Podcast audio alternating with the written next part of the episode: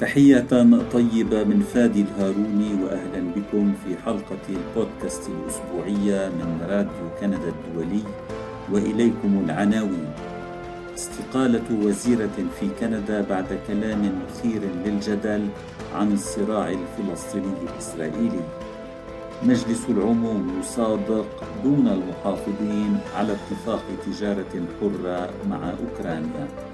وسلسلة بشرية في لندن أونتاريو لدعم الفلسطينيين في غزة. تقرير لسمير بن جعفر.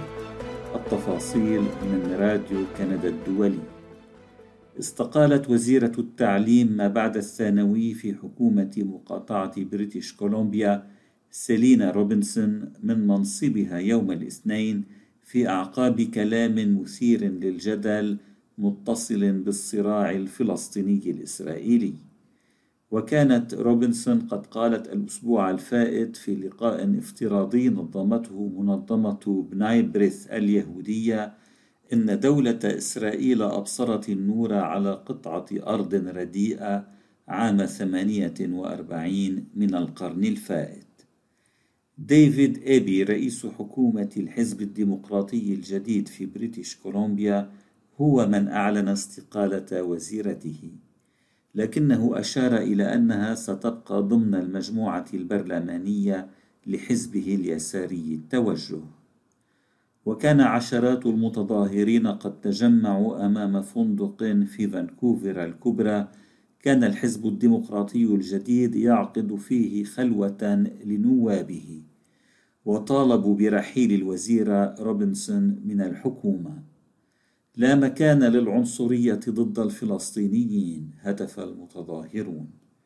وروبنسون من أبرز السياسيين اليهود في بريتش كولومبيا وهي اعتذرت مرتين عن كلامها قبل أن يتم الإعلان عن استقالتها. وأضافت في بيان مكتوب أنها توافق على أن رحيلها هو من أجل الأفضل. كلماتي كانت غير ملائمة وخاطئة. وأنا أدرك الآن كيف أنها ساهمت في الإسلاموفوبيا والعنصرية ضد الفلسطينيين قالت روبنسون في بيانها.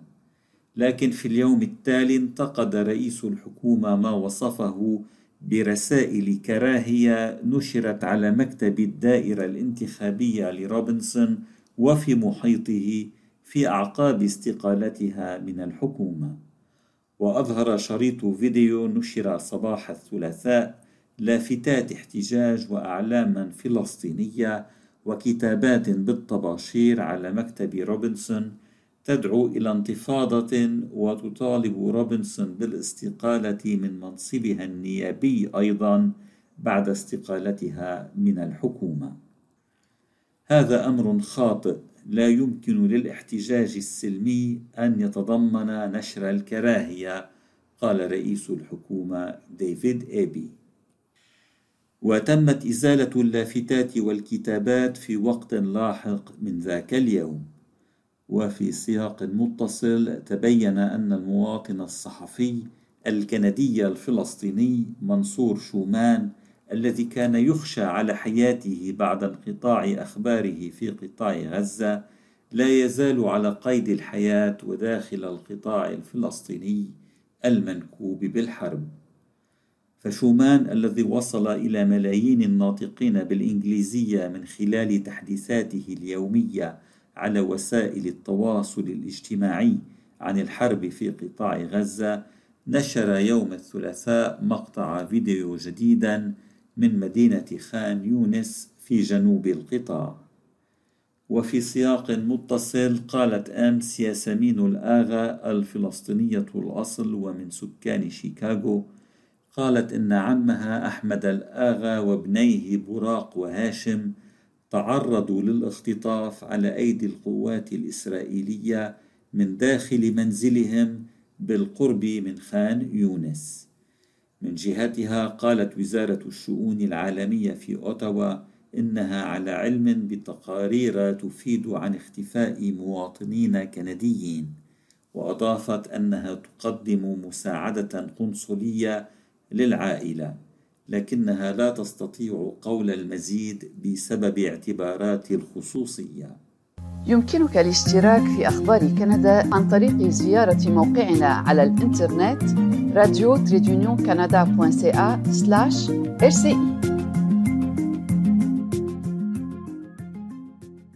صادق مجلس العموم الكندي على اتفاق جديد للتجارة الحرة مع أوكرانيا يوم الثلاثاء. وصوت جميع النواب لصالح الاتفاق باستثناء نواب حزب المحافظين الذي يشكل المعارضة الرسمية وزيرة التجارة الدولية في الحكومة الليبرالية ميري نيج تحدثت عن اتفاق تجارة حرة محدث سيسمح للشركات بالمشاركة بفعالية أكبر في إعادة أعمار أوكرانيا.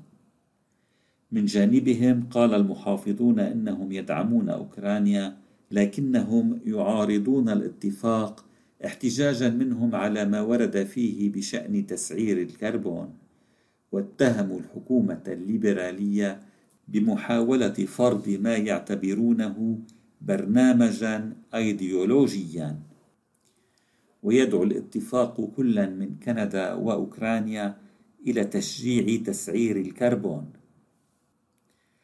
تراجع معدل البطالة في كندا في كانون الثاني يناير الماضي بمقدار 0.1 نقطة مئوية إلى 5.7% وهذا أول انخفاض له منذ كانون الأول ديسمبر 2022 وأضاف الاقتصاد الكندي 37 ألف وظيفة الشهر الماضي. وارتفع التوظيف في قطاعات تجارة الجملة والتجزئة والمال والتأمين والعقارات والتأجير فيما سجل قطاع خدمات الإيواء والطعام الانخفاض الأكبر في الوظائف. أنت تستمع إلى البودكاست الأسبوعي من راديو كندا الدولي.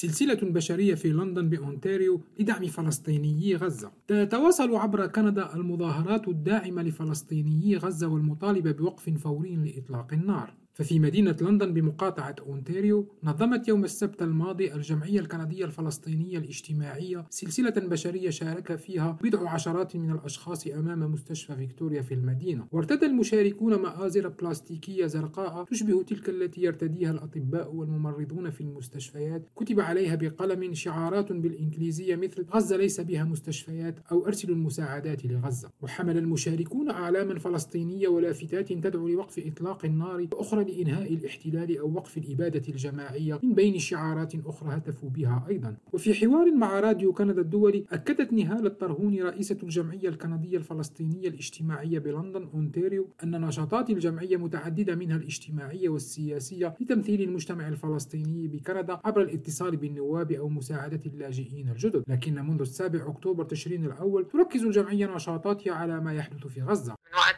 أكتوبر لهلا صار تركيزنا على الأحداث اللي عم بتصير. تسليط الضوء على كيفية المجتمع السياسي عم بيتعامل مع وشاركت في المظاهرة خافا فينكلر وهي من منظمة أصوات يهودية مستقلة التي تدعو إلى العدل والسلم بين الفلسطينيين والإسرائيليين. وفي حديث مع راديو كندا الدولي قالت خافا فينكلر إن لمنظمتنا 18 فرعا عبر كندا منظمتنا تساند الفلسطينيين وحركة مقاطعة إسرائيل BDS.